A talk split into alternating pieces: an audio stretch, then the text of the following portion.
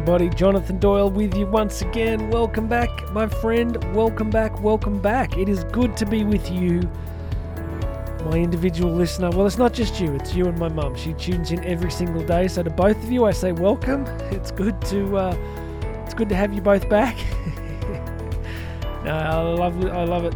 I love having you guys on board. So everybody, welcome but I do like to think that I'm talking to individuals here, and I know that I am. So, thank you for the privilege and pleasure of your company and time. Please make sure you have subscribed to this humble little podcast.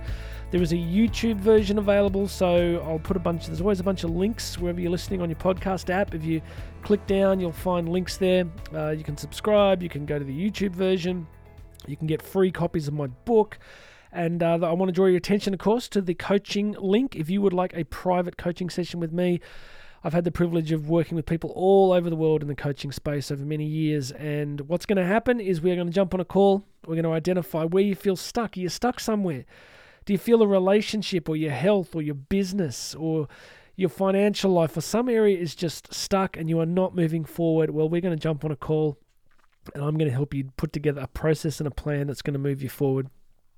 So if you have a nagging sense that life has a lot more for you, then often somebody like me as a coach can help you really move forward. So go and check out that coaching link and book yourself a time. Today, friends, we are on day three of a three day process. If you haven't listened to the previous two days, what have you been doing? You have missed an extravaganza of content.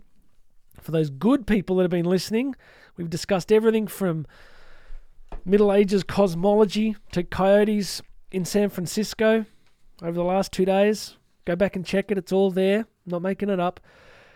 I am doing this three day process because I felt in my planning phase that many of us are struggling with overwhelm, anxiety, stress, depression as our world gets more complex. So, this three part series was looking at weakened social connections. We looked at social connections on day one. Second day, yesterday, we looked at a weakened level of exposure to nature and why that's really important. And today, friends, I'm going to talk briefly about the impact of technology on and sort of the impact of increased technological complexity. You know I'm talking about? You know that that multitasking social media life where we are just transfixed by little glowing screens for large parts of the day. No judgment, not judging anybody because it's uh, no matter how disciplined you are, it can be so hard. I said to my daughter the other day, you know, she's 15, and I said, darling, I said, always remember that these these apps are devised by some of the world's most brilliant behavioral psychologists and design, you know, people that are absolutely brilliant on UI and UX, user interfaces and user experiences. So it is no surprise that even the strong, most strong-willed amongst us can be have our lives progressively hijacked by tech. So a little bit of data for you first as we talk about it. I did a bunch of research, and according to a large study at uh, UCLA, University of California, Los Angeles, one of the world's preeminent research universities, the average person in one of the latest studies in the developed world spends, wait for it, drumroll please, 7 hours and 11 minutes looking at screens per day. Yes, you heard that right. 7 hours and 11 minutes looking at screens per day. That works out to, second drum roll, a third of your life. A third of your life. Maybe we could contextualize that by thinking about the end of our lives. Thinking about when we get to the end of our lives and we suddenly go, I just wasted a third of it staring at a small screen. Again, no judgment. I mean, we all struggle, right? But aren't those incredible numbers? Seven hours, 11 minutes a day. Some of you will be less, some of you could even be more. A third of our lives. The other interesting thing as I lead into this was one significant study argued that we are presented with 34 gigabytes of data per day, 34 gig of data per day, which is the equivalent of reading a 100,000 word book. 100,000 word book of content and data coming at us on any single day. So, I would like to give you a couple of frameworks here. The first thing that I wrote down was this. I think it sounds really good. It says this biology changes glacially, technology changes exponentially. One more time biology changes glacially, technology changes exponentially, which means what? if you're a regular listener, you know I go on about this all the time that the bodies we inhabit are about 350,000 years old. The, the last significant evolutionary shift for us into what we are called these days, Homo sapiens sapiens, was about 350,000 years ago. So our bodies and our brains have not changed much over the last 350,000 years. If you went back 350,000 years, you would find that the early Homo sapiens sapiens had pretty much the same body and brain structures that we have now. So biology changes glacially, but of course, I think we can all agree that technology changes exponentially. So what does it mean? It means we've got these bodies that still think we're living back in cave times, but we have brains that are confronted with this vast amount of technological complexity. So one of the things that I came across in the research course was especially around social media. So this is the big one, right? For so many people that uh, there was some research done on FOMO, which I think almost everybody's familiar with. FOMO, of course, standing for fear of missing out. So the basic process with social media impact for many people is we spend huge amounts of time looking directly into the lives of people we don't know and we'll probably never meet and at some level, often thinking that wouldn't our lives be awesome if we just looked like them, had what they had, lived where they lived, said what they said. Uh, it's understandable, right? We we compare as a species. We we look at all these images and we think, oh man, like if I had a Bentley, if I had that Porsche, I would be so much happier. That's why I think Tony Robbins is really great because he says the number of billionaires that he's worked with that are just completely miserable. Now, I agree that if you're going to be miserable, doing it in a you know hundred million dollar mansion is probably more bearable than doing it in a tiny uh, you know apartment somewhere. So what's the old saying that being rich doesn't make you happy, but it makes being miserable bearable? But it's just interesting to note that many of us seem to think that that most of our problems could just be solved if we had what somebody else had, and of course social media serves that up for us on a massive daily basis. But this FOMO, this comparison engine that I talk about sometimes, is psychologically associated with lower mood, lower life satisfaction. And interestingly, it's not associated with age because a lot of people think, well, that's just teenage kids, right? They're just looking at all this stuff and they get, you know, they get upset and they get low self-esteem. The research says it is actually not associated with age. There's there's a negative correlation to age. So basically, it affects everybody. You can be in your 40s, 50s, 60s, 70s, beyond, and still look at stuff and think, oh, gosh, I haven't achieved that, or I don't own that, or I didn't do that. And it's also, this is really interesting, cross cultural. It's not just the developed world, it's a human thing, it's across all cultures. That this living with this all these images and all this comparison affects us all. Uh, just quickly, in children, the research on social media addiction and technological addiction, listen to these, associated with low academic performance, lack of attention, low creativity, delays in language development, delays in social emotional development, physical inactivity and obesity, poor sleep quality, social anxiety, aggressive behavior, addiction to technology itself, the actual addictive behaviors, and higher BMI, higher body mass index. You know, a few weeks ago, I was talking to these young people, and I may have mentioned this on a previous episode, but they were telling me that most of them have flat screen TVs in their bedrooms. The parents have raised the white flag and handed over a flat screen TV. And some of these kids are telling me that they're really into the horror genre. And you know, if you if you've noticed, it's, it's so much of that content being cranked out through Netflix and Apple TV and all those places. But what they were saying is that most of them are kind of going into their rooms at 10 p.m. on a school night and watching like like incredibly graphic, intense horror films till like midnight, 1 a.m., and then falling asleep, checking their phone a few more times, and falling asleep at 2 a.m. So not only are they affected by the content, but just the sleep patterns and all that stuff. So, you know, this is not a doom and gloom episode. This isn't just, you know, I'm not saying we need to just get rid of everything, but I think we can probably agree that unless it's very carefully managed for most of us, this technological technological complexity can be quite overwhelming. I guess one way to ask yourself is is it a net benefit, right? Is it a net benefit?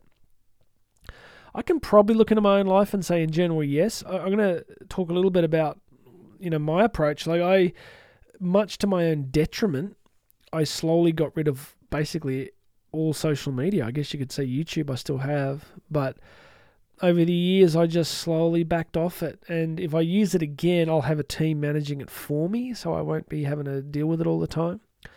So I'm somebody that has walked it back and walked it back and walked it back deliberately, consistently, tried to use it less and less. So, you know, on a tangent, some of you know that I'm, you know, I've got an obsession with sleep. Last few years, I've been really big on this, getting really high quality sleep and you know, so I don't use devices in the evenings. I'm, I'm with my kids. I'm like, nah, we, we shut them down by eight o'clock, eight p.m. sort of thing. Nobody's on devices after that time, and uh, just setting a culture around that so that our bodies can adapt to the to the sleep windows that we need them to adapt to. So practically, let's talk about some action steps here. So if you listen to this, going, you know what, you're right. I'm using it too much. It has it is having such an effect. What do I do? I would begin by offering you this can you possibly consider building into your life dedicated ongo- building into your life a dedicated ongoing commitment to deliberate times of silence and stillness. See, what I think the technological overwhelm is doing is literally that. It's an overwhelm problem. It's like it's just, we're never off, right? It's just reading this news site and then checking socials and then this email and then that thing and that thing and that thing and that thing. And so few of us have disciplines of real times of stillness and quiet. So I spend a lot of time in my hometown, the city here, in the cathedral here. I, I probably try to get there most days because it's just such a beautiful building and it's so quiet and dark and still. I try to get in there most days. Uh, as I said in yesterday's episode, most days I'm up around 4 a.m.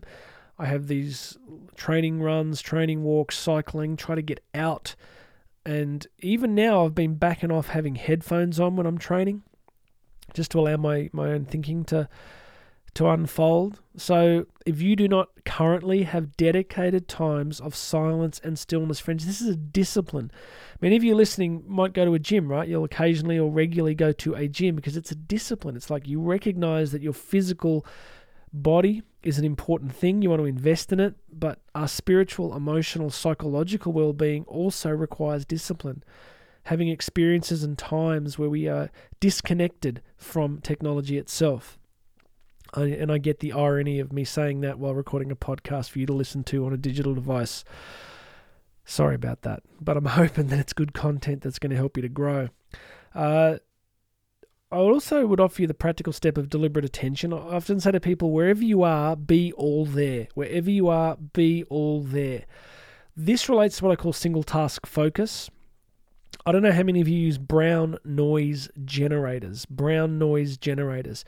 Most music apps, Spotify, Apple Music, Google Music, uh, YouTube, if you type in brown noise generator, used to be that white noise was the thing, but apparently brown noise is much better. I, I think I first came across this through listening to this guy from Princeton University who does three four hour blocks a day of intense work. And in those four hour blocks, he uses headphones with brown noise, and I use it all the time. So when I'm not in the studio in the office or doing other stuff, I actually spend a fair bit of time at the National Library, where here in Australia, and I've got these really good headphones. I use brown noise generators and I'm increasingly not taking digital devices to the library, so not taking a laptop. I'm hoping to get in there tomorrow. Won't be taking a laptop. May not even take my phone. Uh, one of my daughters comes in to study as well, and you know I'm figure if the house burns down that Karen will text her, and I won't, you know I don't need a phone. So I use, in which case I take in books and journals, and I read and study and read and take notes with a brown noise generator. So it's a it's a deliberate time of single task focus, single task focus. So there's some of the practical stuff, and I just think you know, learning to turn devices off early in the evening. And I can remember looking back. I used to get up early, as I say, and and I'd sort of read news websites, and you know, look, I'll be really honest. Since my I, I don't read any mainstream media now. I don't trust it, so I don't read any of it. Um, I read a lot of Substack. I read a lot of high end, you know, a lot of people that have left mainstream media, and you know these are really good journalists who've gone across to Substack. So I try to get my news through a mix of intelligent, you know, high quality journalism. So I've learned to just stop time wasting on clickbait. So if you find yourself clicking on this thing and you know, can I be honest with you? I'm going to lose a couple listeners here, but I don't get the whole royal family thing. I don't get it. You know, I, I, I don't get it. It's like people that just you're reading all these stories about Harry and me. I'm going, really? Like, come on. There are so many great figures of history and incredible men and women doing great stuff, and so many people are just like clickbait after clickbait. This is your life. This is your life. It's precious. Why squander it on less than crucially important things, you know? Anyway, just lost a few listeners. I'm sorry. Love you. Please come back someday. But I just think that uh, we're given this one precious life, and I'm learning to approach it with a sense of deliberateness and urgency. And I think maybe here's a summary technology has to serve you, right? It has to serve you. And, and if any aspect of it is not serving you, then you're okay to move on. You're okay to just slowly I, I wish I could give you some kind of X factor trick here, but there isn't one. It's just, I think where I've got to is looking at what's important in life, which for me is like living well, living intelligently, reading the great books, you know, being present to the people that I love, being physically well, being deliberate about my life. You know, I talk a lot about the influence of someone like David Goggins has had on me and one of his quotes. It pops up every day on my computer and my phone. It pops up. I've got a few things that pop up each day, and one of them is this quote where he says, Approach every day with a sense of urgency. Approach every day with a sense of urgency. And I just think, yeah, you know, when I find myself ever goofing off and wasting time, I'm like, come on, man, seriously. Like, this doesn't mean I don't enjoy life. Like, I'm running around all the time, like, super intense. Like, I'm an intense dude. I always have been. But I, I want to live fully. I don't want to hand over any of my time to things that are, are not really worthwhile and fulfilling. So, friends, at the end of this long episode, I'm just saying to you if it isn't serving you, then consider what its place is in your life. Technology, you know, we got this gift of this microphone, this computer, this internet where I can put this stuff together for you guys and send it. So let's use the good parts, but let's start to get tough around everything else. All right, that's it. Please make sure you're subscribed. Go book yourself a coaching call. They are absolutely worth it. You are going to get, you know, some real help from me to grow, to move your business forward, your relationships forward, your health forward. Go and book yourself a call and we'll get it done. All right, everybody, that is it for this three part series. I got a whole bunch more great stuff coming.